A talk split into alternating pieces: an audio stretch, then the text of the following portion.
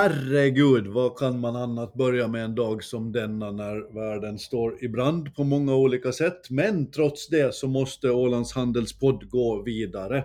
Jag heter Jörgen Pettersson och jag säger välkommen till avsnitt nummer 66 av podden som hanterar allt. Fredrik Rosenqvist, hur mår du idag? Uh, jag mår jättebra. Är lite stressad känner jag mig, men, men överlag uh, mycket bra. Stressad? Ja. Jag ska berätta för dig vad stress är. Stress är att vakna i Kiev en vanlig torsdag morgon och inse att ryssen står vid dörren. Ja, jo. Det är stress.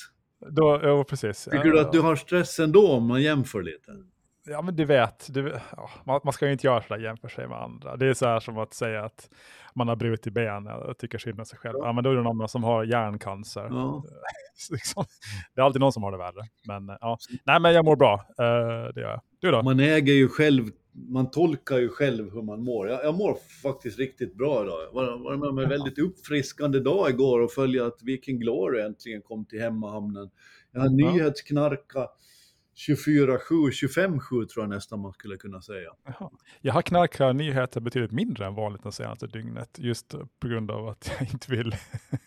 ja men du vet, man blir lätt lite deppig om man, om man knarkar för mycket nyheter när det, när det är kaosigt. Så, här, så att jag, jag har försökt logga ut så mycket som möjligt. Alltså det är mycket just nu, det är faktiskt mycket just nu, det måste man säga.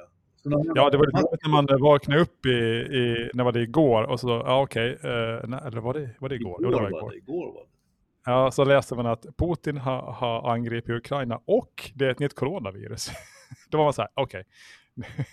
Ska dra täcke över huvudet Ja men det, det, känns, vi har ju alla tider sagt, eller länge har vi sagt att man vet så mycket mer om vad som händer i världen idag så det finns så många mm. större, mm. mycket fler skäl att gå omkring och känna oro. Men nu ja, börjar det ju ingen... nog faktiskt alla gränser samtidigt som ingenting har förändrats här på Åland. Om du inte skulle ha läst en enda nyhetssajt de senaste två dagarna, du skulle inte ha märkt någonting om du inte skulle ha pratat med någon. Och sådär. Här går ju livet på som vanligt. Liksom. Det är ju förbannelsen med den nya världen, att man vet mm. allting direkt. Mm. Ta när spanska sjukan utspelade sig för hundra år sedan, ungefär vid mm. första mm. världskriget. Det, det var ju mycket, mycket värre egentligen, men ingen visste om någonting. Nej. Ja, eller, ja, eller pesten. Eller pesten för den delen. Allt sånt så det har ju bara hänt utan att man vet det. Nu dör ju folk i mm. direktsändning och det är klart att man blir skärrad då. Fast man själv sitter i djupet av sin länstol och har det ganska bra. Aha. Nej, jag har inte sett, alltså jag, jag har inte sett några rörliga bilder och sådär. Jag brukar inte titta på sånt. Så att, ja, nej, jag försöker hitta på. Men vet du vad jag gjorde på, igår morse? Jag, jag är lite speciell. Okay. det har väl kanske inte undgått någon. Vill vi verkligen veta det här, men vi chansar. Kör. Jag borstade tänderna. Och så satte jag mig ner och skrev en lista på papper. Det var lite old school på allting. Alla bolag jag ville köpa om, om det skulle bli rea under dagen, vilket var ganska hög sannolikhet. Uh, och sen satt jag där någon timme efter att börsen hade öppnat och shoppade runt så fingrarna glödde och sålde vissa grejer. Så, att, mm. så du blev en sån här riktig daytrader som stod i köttdisken och vrålade i mobiltelefonen. Köp, köp, köp! Ja, lite grann, fast man behöver inte vråla så mycket när det är på internet. Um, men... det, man, man, det finns ju ett gammalt, alltså han här eh, baron Rothschild som har, lär ska ha sagt en himla massa, ingenting stämmer säkert. Man har ju sagt det att uh, köp uh, till ljudet av kanoner och sälj till ljudet av trumpeter. Så jag tog fasta på det då. Så när kanonerna ljuder då ropar Fredrik köp! Ja. Och när trumpeterna kommer och alla vanliga människor börjar tycka att det är fint, och säger Fredrik sälj! Ja, men, det, ja, men lite grann. För jag vet att jag fick ett mess från en, en, en, en vän igår som typ, ja men vi hörs nästan aldrig av. Uh, och då frågar hon, vad ska jag göra med mina fonder nu? Uh, och det är konstigt för att det är ingen som ställer den frågan när allting går upp 100%. Det är då man borde fråga sig, vad ska jag göra nu med mina fonder? Det är inte normalt att det går upp 100%, men då är alla glada och nöjda. Det är så fort när det går ner lite grann, då blir alla jättenervösa. Men det där är väl djupt mänskligt på något sätt. Du, du ber ju inte om hjälp när allt går bra. Du ber ju om hjälp när du är orolig. Ja, lite grann. Men det är ju när allt går bra man ska vara lite orolig. Sådär. Inte i vanliga liv, men på börsen och så. Mm. så att, mm. ja. Det har väckt väldigt många frågor det här. Kriget i Ukraina, det verkar det som att den bästa plattformen att följa det på är TikTok av alla. Jaha, där, okay. där visar de nästan i direktsändning har jag läst. Jag är inte riktigt någon, någon bra, bra användare av just TikTok, men, men det, det, det, som, som det har rapporterats så är det tydligen där som väldigt många bilder finns. Så jag har sett några klipp som Mm. ser väldigt skrämmande ut. Okej. Ja, nej, jag håller mig ifrån dem som sagt. Jag håller, jag håller fokus på ekonomin, vad som händer med den. Det, det känns som att jag, det gagnar mig mer så att säga. Det, så, så vill man ju gärna tänka, ändå går det nog inte att bortse från när man ser nyhetsrapporteringen igår kväll på Aktuellt till exempel. Det, det är ett tv-program kan man säga, ett nyhetsprogram som kommer varje Som inte jag har sett på 15 år tror jag. SVT. ja, alltså jag kommer ihåg när det fanns och de där, vad de nu hette, Claes Elfsberg och, satt där och sådär. Han, han, Ja. han, hon, han har skjutit ut sig, Ja. han är inte längre Okej, ja. i, i tv i varje fall. Men, men det var faktiskt det var, det var, det var väldigt hårda, hårda bilder. Hårdare. Ja, Jag vet, men alltså det, det gynnar, alltså det är så här, jag, jag, för, jag måste försöka göra det som får mig att må bra. Och jag gjorde misstag och var in på typ så här Aftonbladet eller Expressen igår, för jag var lite nyfiken på vad det stod där. Alltså man blev ju helt, alltså man blev ju fan livrädd när man gick in där. Det var liksom, ja det var så här, så pratar du dina, med dina barn om kriget och, och så var det någon kulturskribent som kallade Putin för, för någonting som börjar på K slutar på UK, huvud. Ja. Och det var liksom, ja men det var, man bara, nej jag orkar inte. Men det är ju det som krig ställer till med. Det tar fram det absolut sämsta ur alla Mm. människor. Ja, så de sprider ju så här skräck och, och sådär och så. Eh, så. Då blir det ju sådana överreaktioner. Sen, alltså jag förminskar inte på något sätt vad som händer i Ukraina, men det är ju sådär, mår, mår man och mår vi så himla bra av att sitta liksom och titta framför tvn, det löser inga problem heller. men vad skulle jag lösa? Att jag ska sitta och se på hemskheter liksom. Nej, det har du faktiskt rätt till. Jag körde förbi eh, ryska konsulatet i Mariehamn igår morse på vägen till Mm. jobbet. De hade hissat flaggan. Det, Ja, ja. det kan vara ett av de sämre exemplen på spelöga som jag någonsin har sett. tror jag. Ja, jo. Sen jag, så, jag, jag skymtade i någon åländsk tidning och sådär. eh, Alltså jag skulle väl kanske vara lite försiktig också. Det är många som skriver saker på Facebook nu. Man är, man är uppe i varv och man har sett på nyheterna. Man skriver det ena och det andra om Putin. Eh, var lite försiktiga också. Eh, vi kommer väl till det senare, men eh, alltså, det ryska hotet mot oss är nog inte första hand handlar om, om stridsvagnar och missiler, utan om, om cyberattacker. Så att man ska nog vara lite, lite chill där. Man kan skriva att han är en dum, dummis, men man behöver kanske inte ta i så man spricker. Det är ju det som det leder till det här, alltså att när, man, när någon höjer tonen så som nu Putin faktiskt har gjort gentemot Mm. Ukraina så, så får ju Mm. det konsekvenser i det att alla höjer tonen och Jo. plötsligt så börjar helt vanligt förnuftiga människor yrka på att han ska bort på olika Mm. sätt. Jo, jo, och det är fortfarande så här liksom att diplomati är det bästa sättet att lösa det här på. Inte att liksom, vadå, vi ska liksom förinta Ryssland då, eller, döda Putin. Eller, det är liksom, visst man kan säga så vid ett kaffebord, men det så kommer det inte att hända, liksom, hoppas jag. Men man har, man, det. vi lever också i den verkligheten att alla ansträngningar som har gjorts har varit helt förgäves. Alltså det är som att det inte går att nå denne ryske Putin faktiskt. Han har ändå suttit med, med såväl Schultz från Tyskland, förbundskanslern, som med Mm. Macron, Frank, Frankrikes president, för någon vecka sedan. Mm. Och, och nicka instämmande och sagt sig förstå argumenten och Mm. låtsas föra förhandlingar när, när det i själva verket har pågått någonting helt annat under ytan. Det, det, Jo, am- de amerikanska underrättelsetjänsten har ju varit helt rätt på bollen från början. De sa ju att det kommer att komma en fullskalig invasion av Ukraina och den kommer att ske efter OS. exakt, precis. De, Sen, sen sa de att det skulle ske förra onsdagen, han väntade en vecka. Eh, men de hade ju stenkoll. Eh, så det, har, ju- det är liksom, för dem är inte det här det minska överraskande. Och jag, jag skulle väl inte kunna tänka mig att de europeiska underrättelsetjänsterna har varit helt bortfintade. Eh, så att, och sen också så här, visst, alltså Putin, han, han är ju som han är, men han är ju också och har varit väldigt hårt pressad av NATO. Eh, om inte NATO skulle ha släppt in baltstaterna var det 2004, om inte NATO skulle ha liksom, tillåtit Ukraina flörta med NATO och, och hjälpt dem militärt och, och kryper och kryper, kryper liksom närmare och närmare Ryssland, då skulle han knappast heller agera så här. Eh, Sen ger det ju inte honom rätt att göra det, men han har ju blivit provocerad och han, han, han tycker inte om att NATO kryper närmare, vilket de de facto gör. Han har nu ganska många NATO-länder som gränsar till Ryssland. alltså baltstaterna och sen ett Ukraina som har sagt att de gärna skulle vara en del av NATO. Så det är ju det som lite grann är orsaken. Då kan man fråga sig, vad det, är det nödvändigt för NATO att expandera österut på det sättet? Det där är en väldigt vettig fråga alltså, men alltjämt så tycker jag att när man landar i slutsatsen att Ukraina är ett enskilt land, de är, mm. de är sig själva, de är ett självständigt mm. land, så har mm. de också rätten att ta sina egna beslut. Absolut. Och det, det försöker nu denne Putin ta ifrån dem och det är mm. faktiskt galenskap på en hög nivå. Mm. Ja, ja. Men han, han vill ju förhindra att fler länder går med i NATO. Till exempel Finland eh, för ju en det hade länge pågått en diskussion uh, om vi ska gå med i NATO. Ja. Uh, och Georgien och, och, sånt. Så han, han, det där är ju hans fiende. Liksom. Han, han vill sätta, sätta P för det där helt enkelt. Det, det är det som är hans mål. Men det är, det, det är själva definitionen av en maktgalen diktator, att man inte vill mm. låta andra tänka på egen hand. Jo, jo, nej, men absolut. Um, Har du men, tänkt på att Ukraina är Europas största land? Ja, till ytan. Till ytan. inte till befolkningen. Nej, men till ytan. De är ändå 46 ja, miljoner människor där. Jo, jo nej, det, det, det är ganska stort. Det är, Ungefär som Italien typ. Det är mycket större än Italien. Nej, men inte befolkningsmässigt. Nej, men 6 miljoner. Ja. Ja, ja.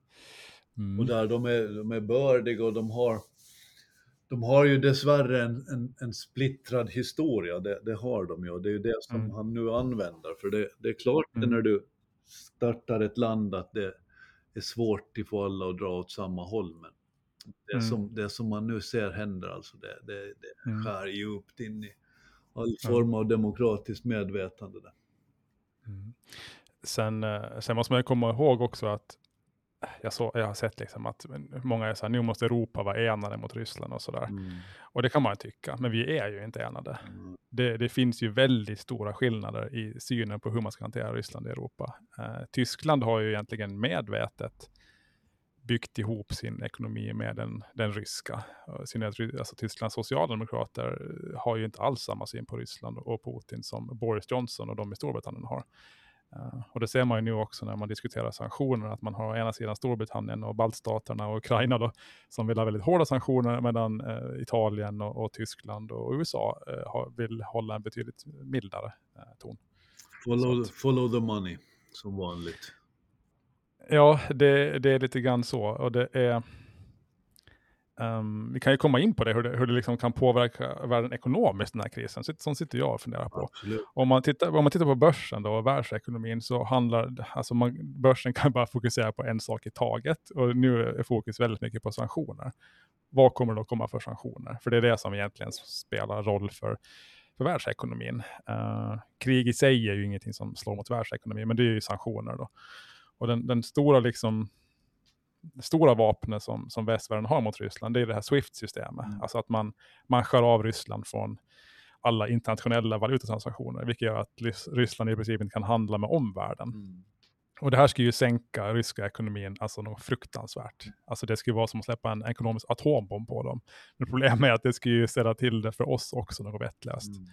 Det är lite så här ett poison piller där. Och frågan är, ska man, ska man svälja det liksom? Det kommer att göra jätteont för Ryssland, det kommer att göra lite ont för oss. Uh, och det som Biden sa var det väl igår, att man, USA är emot det här. Och det är ju även Tyskland och Italien att använda det här uh, Swift, uh, att man stänger av Ryssland från Swift.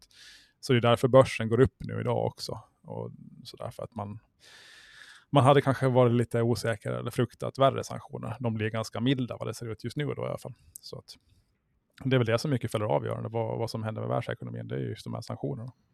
Oljan rusar tydligen, de börjar nå sin högsta nivå sedan 2014 faktiskt. Ja, den faller ju tillbaks idag då.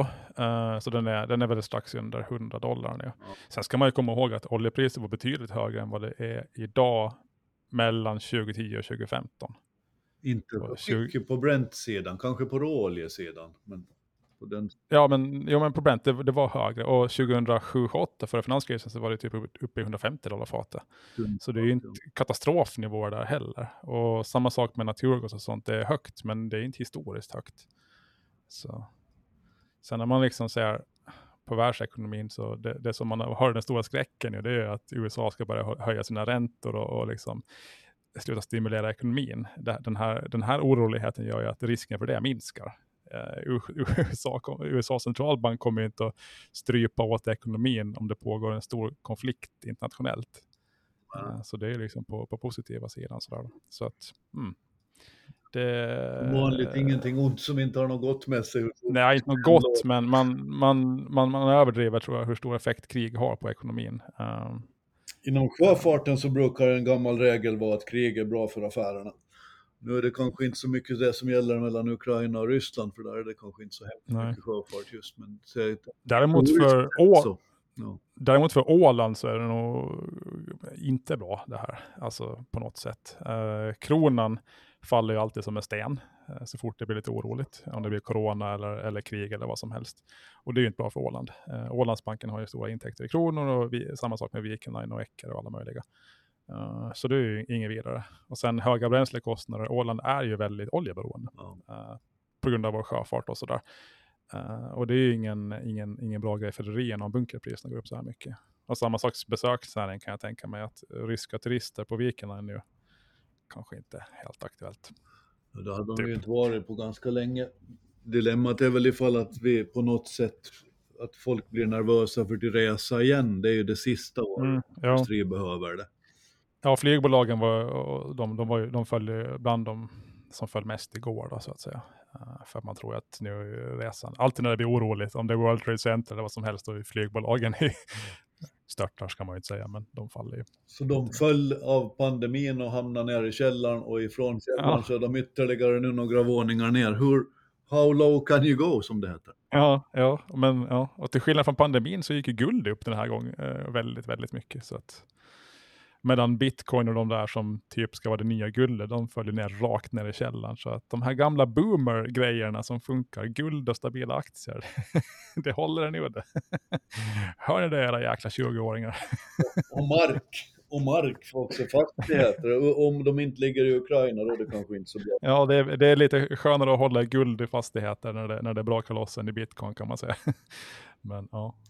Jag undrar hur sånt där går till med ett, ett krig som, alltså när, när Ryssland nu i, i, alla avseenden tycks vilja ta över hela landet. USAs mm. underrättelsetjänst som haft rätt hittills säger att Kiev faller, Kiev faller om några dagar. Och mm. då är det över. Mm. Alltihopa kan man säga. Uh, när de kommer dit då och, och, stänger kontoret och öppnar det på nytt. Det, mm det måste ju vara enorma konsekvenser det får för, för allt alltså. Allt det som staten gör idag för Ukraina så blir ju då Ryssland. Mm. De ja, det, det, blir ju sällan det, jättebra. Vi har ju sett exempel på det här, alltså USA, invasionen av Irak och, och Afghanistan. Det är ju liksom, man kan hävda att de var mer rättfärdigare. Jag skulle kanske inte göra, eh, säga att USAs invasion av Irak var speciellt rättfärdig alls. Eh, inte minsta faktiskt. De hade inga massförstörelsevapen, men eh, ja, det är väl en, en, en, liknande operation. Eh, ska man påstå. Och det gick ju inte så himla bra. Det är ju inte så jättenice i Irak nu och i Afghanistan är det definitivt inte så nice längre. Så att det är trist. Jag tror vi måste byta fokus. Don't mention the war anymore. Det, det det, det, riskerar att vi gräver ner oss lite. Finns det några möjligheter i en sån här sak? Jag tänker på, ta en sån här grej som pandemin, när den slår till så blev vi nog alla lamslagna, det får man säga, över hela mm. världen. Uh, och, och man undrade om det alls kunde komma något gott ur detta. Det är kanske fel att säga att det kom något gott ur pandemin, men jag tror att för ganska många så blev den här inbromsningen rätt nyttig man lärde sig kraften i digitaliseringen på ett annat sätt på riktigt. Man tillbringade mer tid med sin familj, mindre tid på resor, mindre tid på att jaga framtiden, mer på att eh, omfamna nuet. På något sätt så var det lite där det landade. Och, och, jag tror att effekterna av pandemin så rätt många som jag träffar så tycker att det här var kanske inte så dåligt sist och slutligen. Jaha, ett krig är inte riktigt samma sak, men ser du någon slags uppsida någon ställen i detta? Kommer vi att bry oss om varandra mera? Vi ser på sociala medier och i olika sammanhang hur fredsduvor och blågula flaggor finns överallt som ett sätt att visa sympati och solidaritet.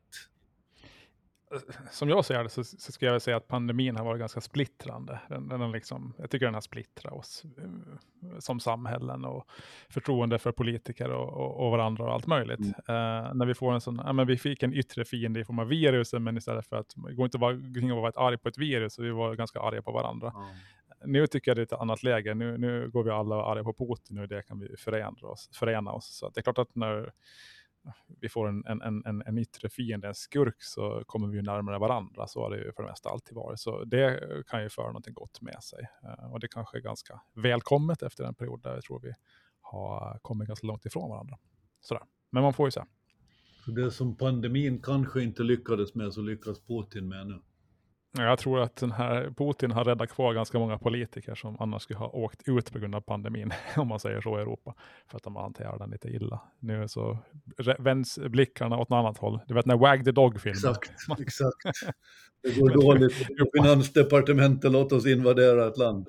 Ja, men nu, och nu påstår jag inte att europeiska politiker och Biden har någonting med att Putin attackerar Ukraina, men ni förstår vad jag menar.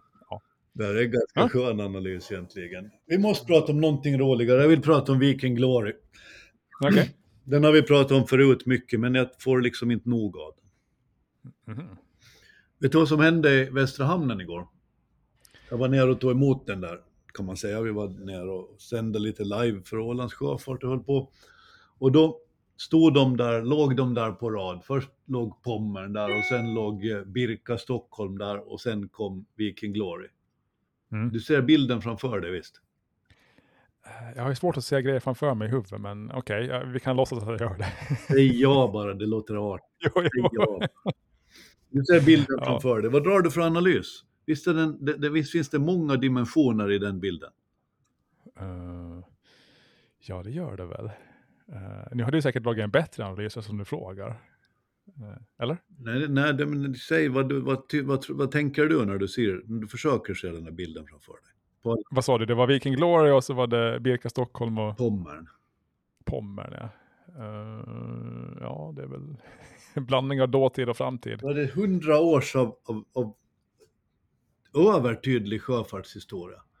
Ja. Pommern som kom in och, och, och regerade på världshaven för hundra år sedan. Birka Stockholm som kanske aldrig riktigt regerade någonstans, men deras moderbolag regerade kryssningstrafiken. Det vet du bättre än alla andra. Ja, Birka Stockholm regerade på det sättet att det var det trevligaste fartyg att ha på tycker jag. Men det... Ja, det var det på många sätt, men den tjänar inte lika mycket pengar som de tidigare kanske. Nej, nej, vet, pengar är inte allt. Nej. Men jo, jag håller med. Det, du har var du faktiskt att pengar inte allt? Jag tar tillbaka det. Faller jag slagit dig Harry? jag säger att jag är lite stressad. Jag, jag, jag, brände, jag skulle steka ett ägg i morse, jag lyckades bränna ett ägg. Vem fan bränner ett ägg? om man steker det möjligt, om du kokar det då är det ganska illa. Ja, men jag tror det är många som är lite stressade. När jag var till en osteopat här idag, så, så hade han behandlat mig klart och sen så tog han betalt och så frågade han, hur är läget? Och ingen fattar någonting. Och han bara, nej, förlåt, vill du ha kvitto? så då, jag var lite trött. Har du, ja. testat, nej, men fortsätt. Har du testat ja. mikrovåga ägg någon gång? Uh, nej, alltså ett helt ägg? Ett helt ägg och sätt in ett helt ägg i mikrovågsugnen. Jag tror nej. att det inte är en bra idé, men... Nej, jag har aldrig testat aldrig. det. Men det kanske man borde göra. Jag tror inte att man ska ja. göra det. Ja. Ah, okay. Mm. Nåja, i varje fall tillbaks till där. Dessutom så har du eh, de, de olika, olika skiften som har skett inom sjöfarten. Du har, du har eh, Pommern som drevs fram med segel. Du har Birka Stockholm som drevs fram på gammalmodigt vis med stora dieselmotorer och eh, propelleraxlar och roder och grejer. Alltså mm. big things. Och sen har du Viking Glory där, där man i och för sig har väldigt mycket kraft men de är fördel den är fördelad på fler motorer och den genererar elektricitet som driver assipods, alltså roterbara propellrar under skrovet det, det, är det senaste sena kan man säga.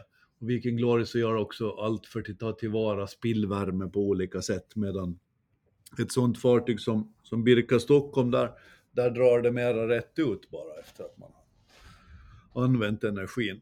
Så du har mm. segel, du har traditionell diesel och du har ett fartyg som drivs med LNG och eh, mera ett kraftverk än, ett, eh, än en motorburen Ja. båt. Gick hon på diesel eller LNG när hon kom till Mariehamn? Vi får förmoda Ja, diesel. men va? det vet nog ingen som inte har varit med ombord. Alltså de, där skiftar de ju lite hur som det. Ja. Eh, De, de går, om Grace går mestadels på LNG men ibland på diesel när, när priserna går för högt upp i taket. Mm. Mm. Blev du sugen på att åka då? Fick du någon Jag är bokad, jag har bokat in mig. Du är bokad? Nästa helg ska jag åka på kryssning. Nej, men vad häftigt. Det måste man göra, den är jätte, jättefin den här båten alltså.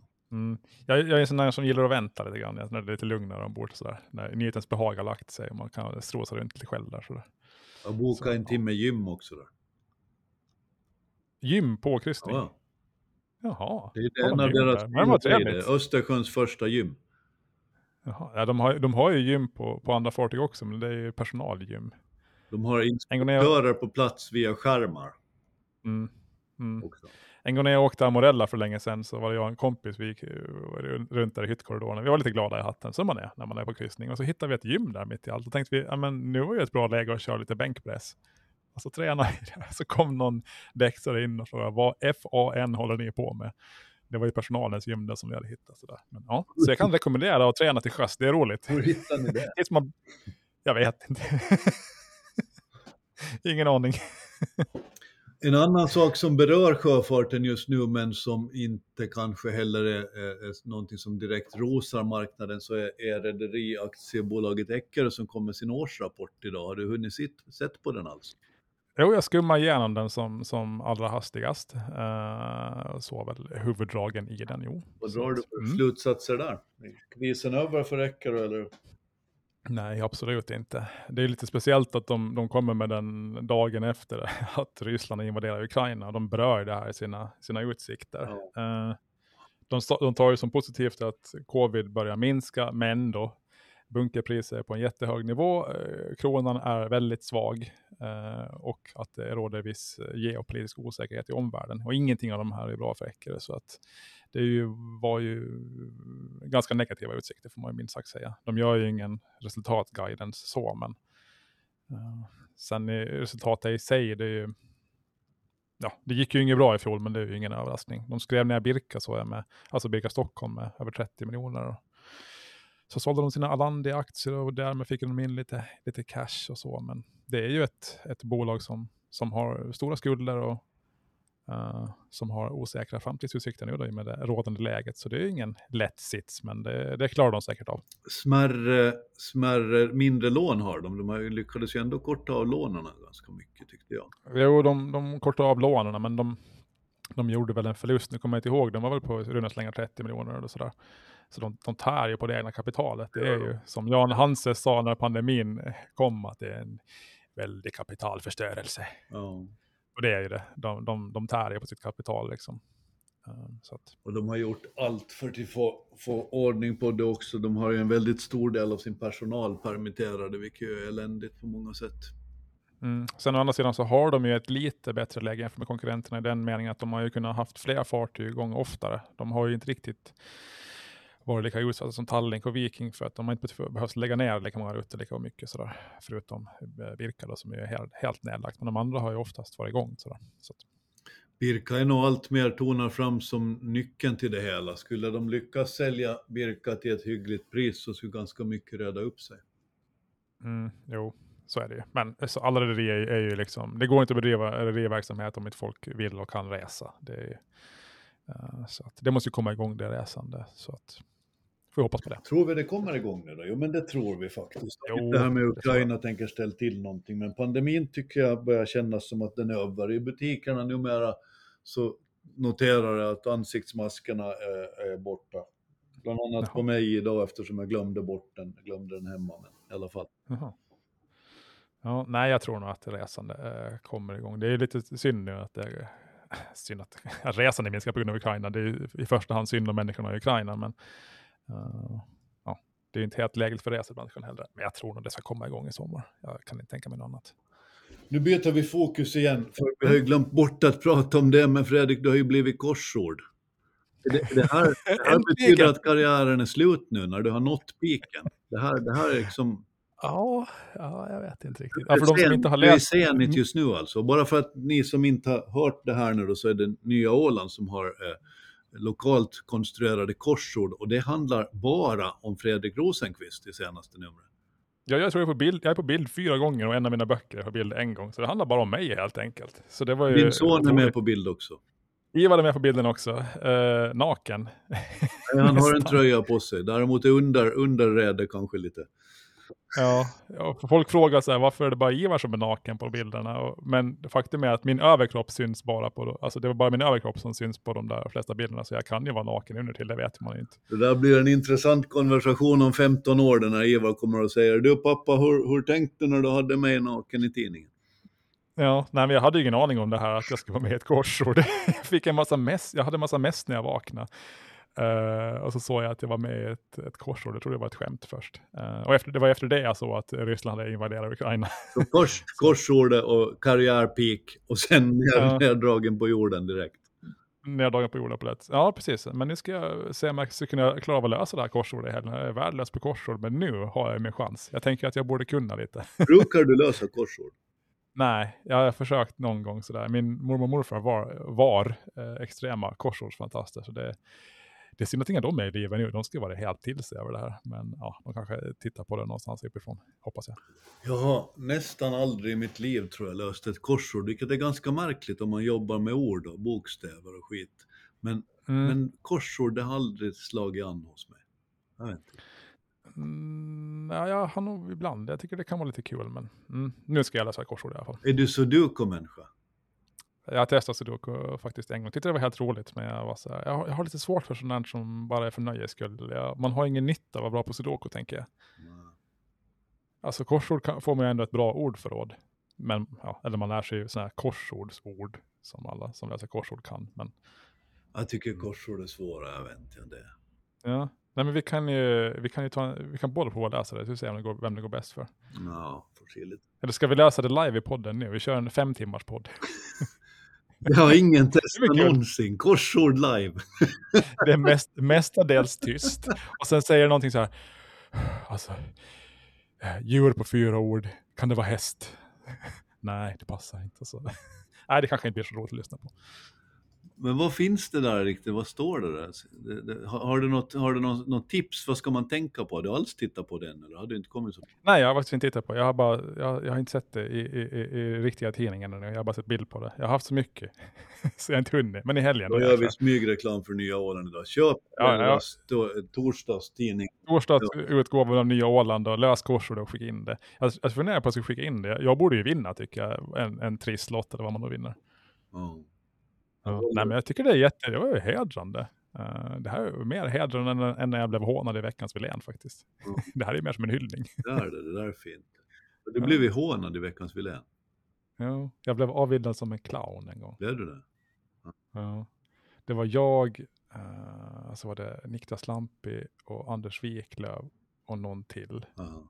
Eh, Jag minns inte riktigt. aha. Ja, det var lite stökigt i Nya Åland och jag, jag, då slängde in mig som en clown. Jag vet inte. Okej. Känsligt, känslig historia det där. Okej, ja, då släpper vi den då. Inte får man prata om Ukraina-kriget, inte får man prata om... inte får Nej, jag, var, jag, var, jag var i Prag på semester när jag såg den där veckans Wilén och är skitsur. nu har jag släppt det. Tio år senare. Vi har ju pratat om Netflix lite nu och då vi är oroliga för hur det ska gå för dem och att de bara kommer till bli en slags clownkanal eller hur det riktigt ska, vad som ska hända. Men nu har de haft en bra serie. Den, de har sänt Inventing Anna. Har du sett den? Nej, jag har inte Netflix. Jag har ingen aning vad det är. Du har inte? Inte överhuvudtaget? Nej. Eh, ja, hon, hon kom från Ryssland ursprungligen, var uppvuxen i Tyskland eh, och kom till New York och snurrade upp hela eh, vad heter det, New York-eliten, lurade skjortan av dem rätt upp och ner. Mhm. Kommer du inte ihåg när det här hände? För det var rätt stort i, i media över hela världen faktiskt på den, på den tiden. Alltså hur länge sedan var det? Det ringer inga klockor. Nej, det var kanske, ja vad ska jag säga att det var, hon hette Anna Sorokin men kallades för Anna Delvey. Jaha. Och det utspelade sig för kanske fem år sedan, någonting sånt där. Okej. Nu sitter alla hemma och tänker, "Ja, Fredrik, alltså, han har ingen koll. Men nej. Nej men det där borde du faktiskt ha lite koll på, för det var rätt spännande för hon nästlade sig in i den här New York-eliten som är skittuff, alltså de rikaste av de rika. Jaha, okej. Ja. Och hon höll på, det var mellan 2013 och 2017 vill jag minnas. Hon skulle starta en klubb, hon fick folk att investera i sig själv, i sina idéer, i sin vision. Hon var alltså på den tiden 22, 25 år gammal kanske. Och kom från ingenstans, pratade en rätt eh, lustig form av engelska. Och, och sa att hon var en, en, en baronessa eller en av stenrika arvtagare som, skulle, som hade pengar hur mycket som helst. Då. Och allt det där gick de på i USA. Eller i New York. Eh, så hon fick sig en massa pengar och lurade en massa människor. Hon dömdes senare till fängelse. För, för man får inte lura, man får inte skoja upp folk. Hon skojade till sig ett, ett, jetplan en gång och på med alla möjliga grejer. Och den var rätt häftig. I varje fall så, så har Netflix gjort en serie på det där som är väldigt sevärd. Den, den, den bottnar i Fake it till you make it. Och, och i, den, i de avslutande avsnitten som jag tyckte var bäst så, så pläderade en, hennes advokat då för att det hon har gjort, det var kanske inte helt rätt, men det var heller inte helt fel. Och så drar han en parallell till Old Blue Eyes. Frank Sinatra. Old Blue Eyes var, Frank Sinatra. Ja. När han gjorde ett av sina första uppträdanden i New York så, så, så svimmade kvinnor och slängde upp underkläder på scen gissar jag. Och det blev en väldig hype kring Sinatra för just det. Ja. Men efteråt visade sig, hävdar då den advokat, att de här, de här svimmande kvinnorna, de var alla planterade. Okej. Bara för att skapa imagen av att det här är så big. Det är som i Nordkorea när någon ledare dör. De, de placerar ut såna här gråterskor som, som får betalt för att gråta. Ja, Så det är en modern form av gråterskor fast tvärtom. Alltså någon som hyllar och håsar och skapar Ja. spinn kring storyn. Okej. Jag, jag blev lite så här, ah, först när du sa det så tänkte jag, okej det där låter ju mycket häftigare än att vara med i ett korsord. Men när du säger att det var lite fake så känner jag mig bättre. Nej, det var kanske lite, och det var lite fake, det var det. Ja, men bra. Ja, okej. Ja. Nu har hon suttit i fängelse några år och så släpptes hon fri och så började hon direkt igen på samma sätt. Hon, hon har nog lite rysk tåga i sig tror jag.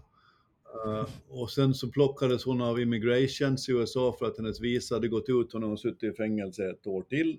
Men hon är fortfarande bara 31 år gammal och jag tycker med det där varumärket så borde hon kunna göra någonting när hon kommer tillbaks till München eller var det nu blir. Okej. Se den där filmen, den är rätt spännande alltså. Den, den, den, den lyfter många frågor om vad som är verkligt och vad som är falskt. Är det en film alltså, ingen serie? Ja, är serie, serie, serie, serie. Ja. Jo du, men Ja. eh, du som tycker om att söka ljuspunkterna här i livet, du har nu gett dig in i någonting som heter Fabulous-världen. Ja, jag fick för mig att, att testa lite nya appar. Här, här. Ibland så uppstår det nya kopplingar i hjärnan. Jag tänkte nu ska jag testa någon ny app för att skapa mig bra vanor. Så jag har testat en massa olika. Men hittills har jag bara fastnat för en, Fabulous. eh, som egentligen går ut på att den, det är en massa beteendevetare vid något universitet i USA som har tagit fram en jättesnygg app faktiskt. Jag tycker den är helt fantastiskt vacker. Lite kvinnlig i sitt sätt, alltså sitt uttryckssätt. Så här. Man märker att den är kanske är första hand gjord för kvinnor, men det är därför den är fin också. den ser inte ut som alla andra tråkiga appar.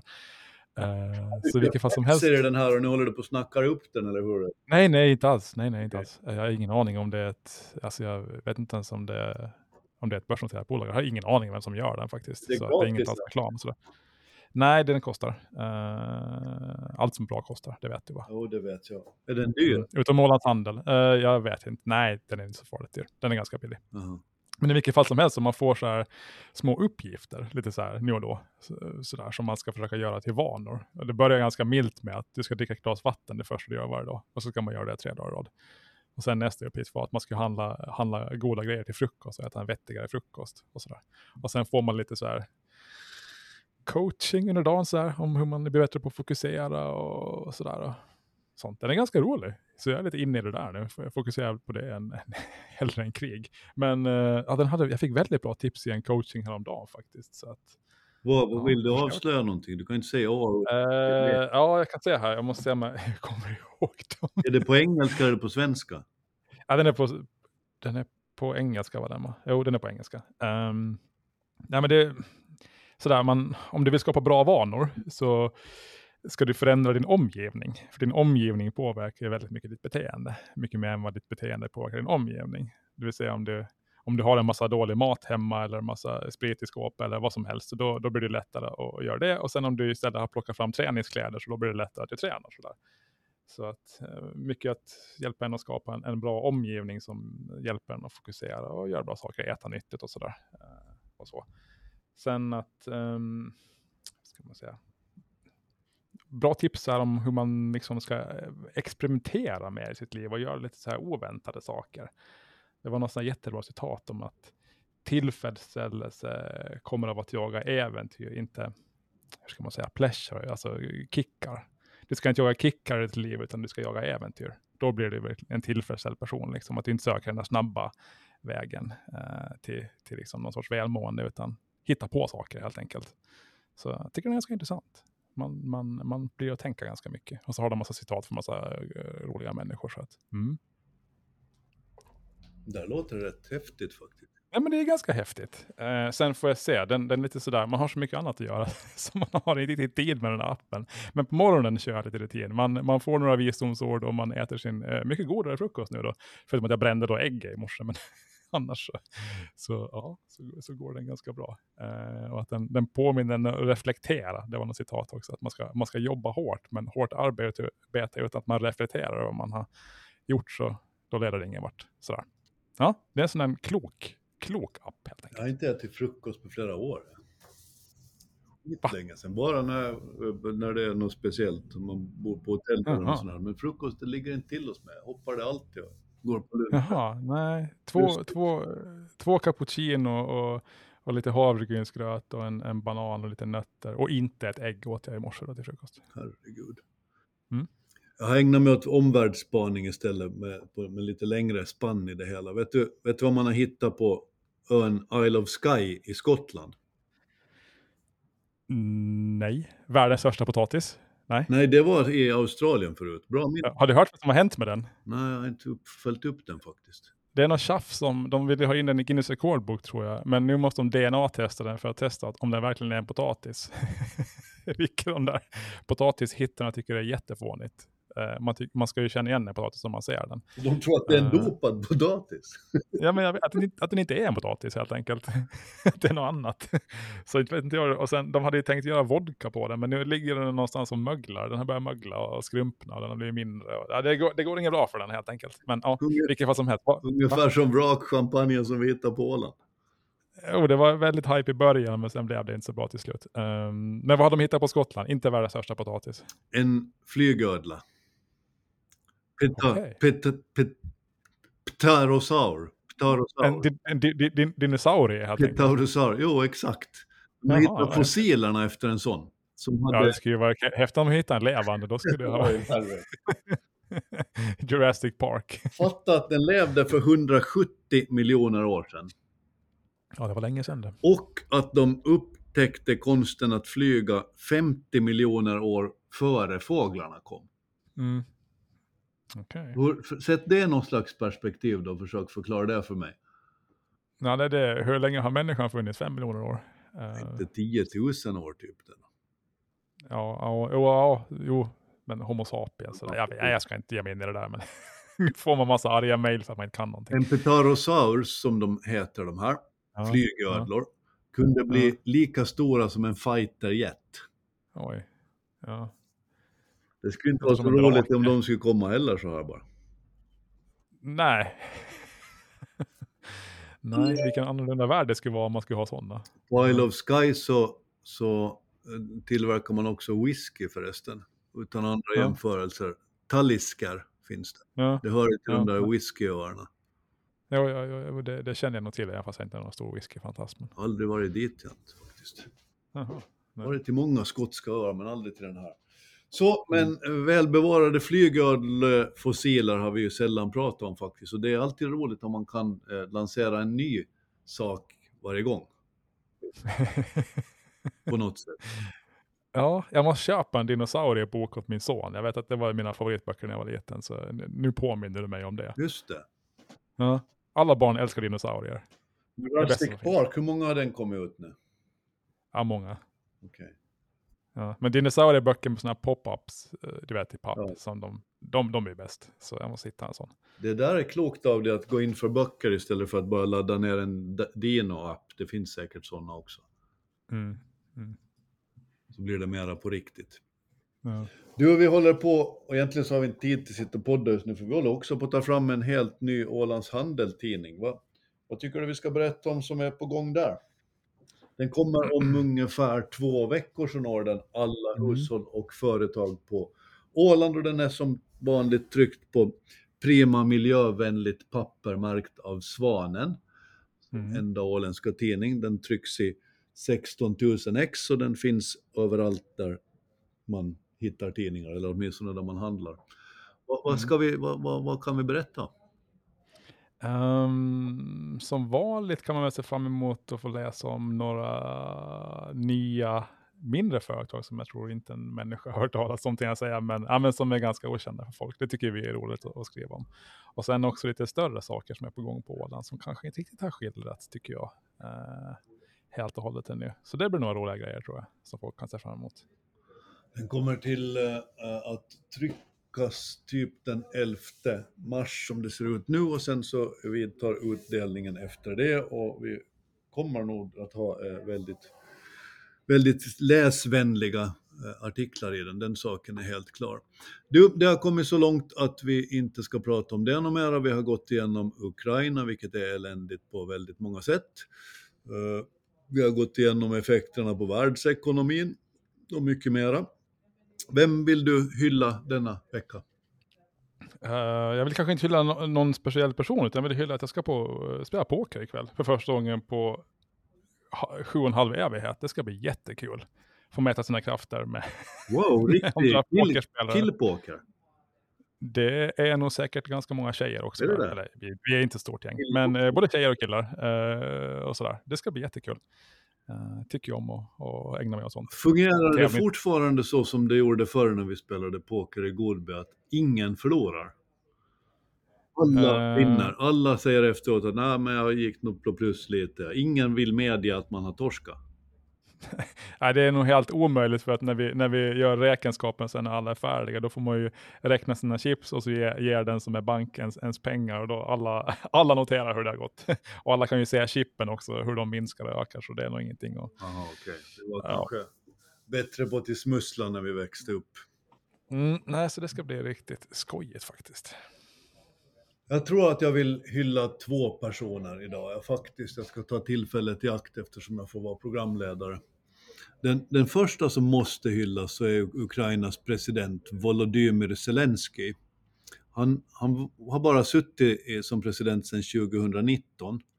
Han är bara 44 år gammal, han är den yngsta presidenten som Ukraina haft. Han är demokratiskt vald, han kom från ingenstans och störtade kolossen Petro Poroshenko som tidigare, som hade efterträtt Julia Tymosjenko. Båda två väldigt välkända gestalter i storpolitiken i världen, då som företrädare för Ukraina. Den här Zelensky, han var skådespelare faktiskt. Eh, tvåbarnspappa. Hans barn är bara 17 och 9 år gamla.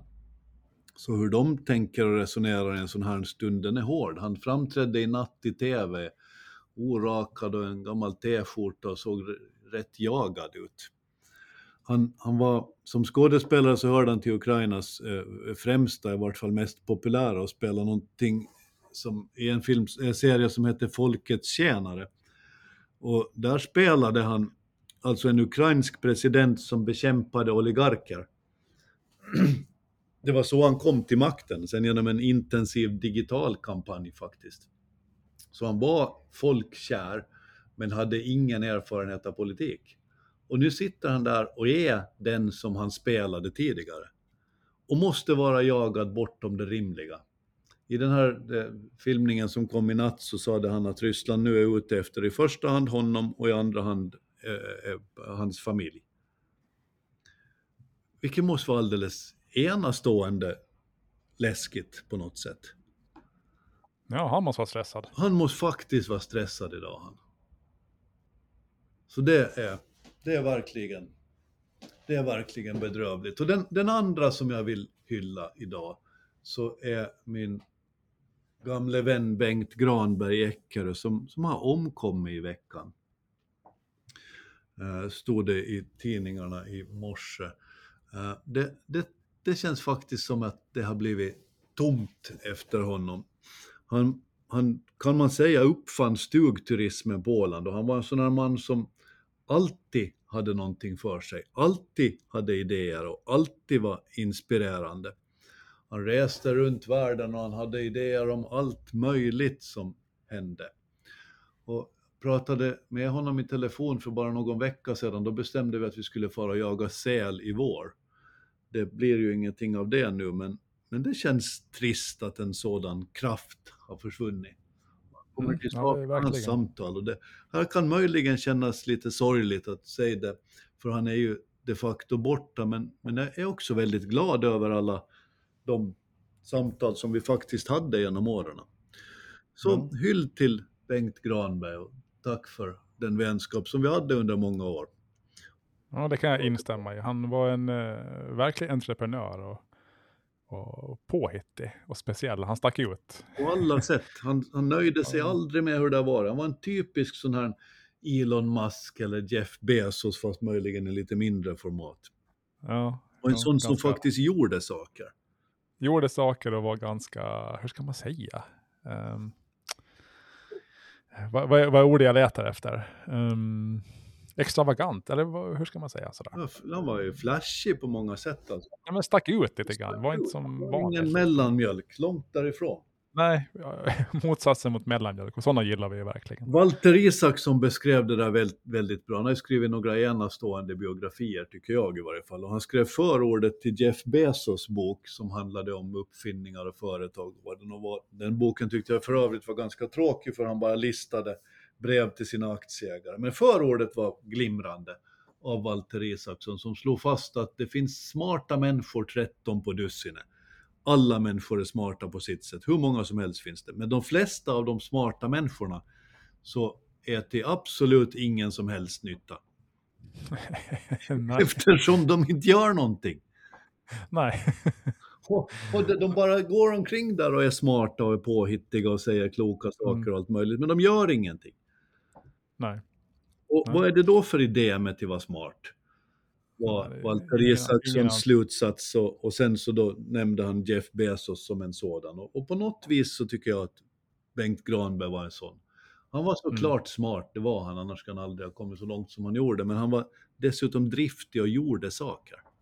Mm. Det tycker ja, jag det är vi också ska det ta som är med. skillnaden. Bra. Eh, ja, då var vi färdiga för idag då. Vad skulle, skulle min eh, hustrus mormor ha sagt när det någon gång blev tyst? Vad skulle du ha sagt nu om du skulle ha sagt något? ja, Det var en dräpande kommentar tyckte jag. ja, verkligen. Vi säger tack för idag. Ha en trevlig helg och på återhörande nästa vecka, eller hur? Yes, tack och förlåt alla. Tack och förlåt.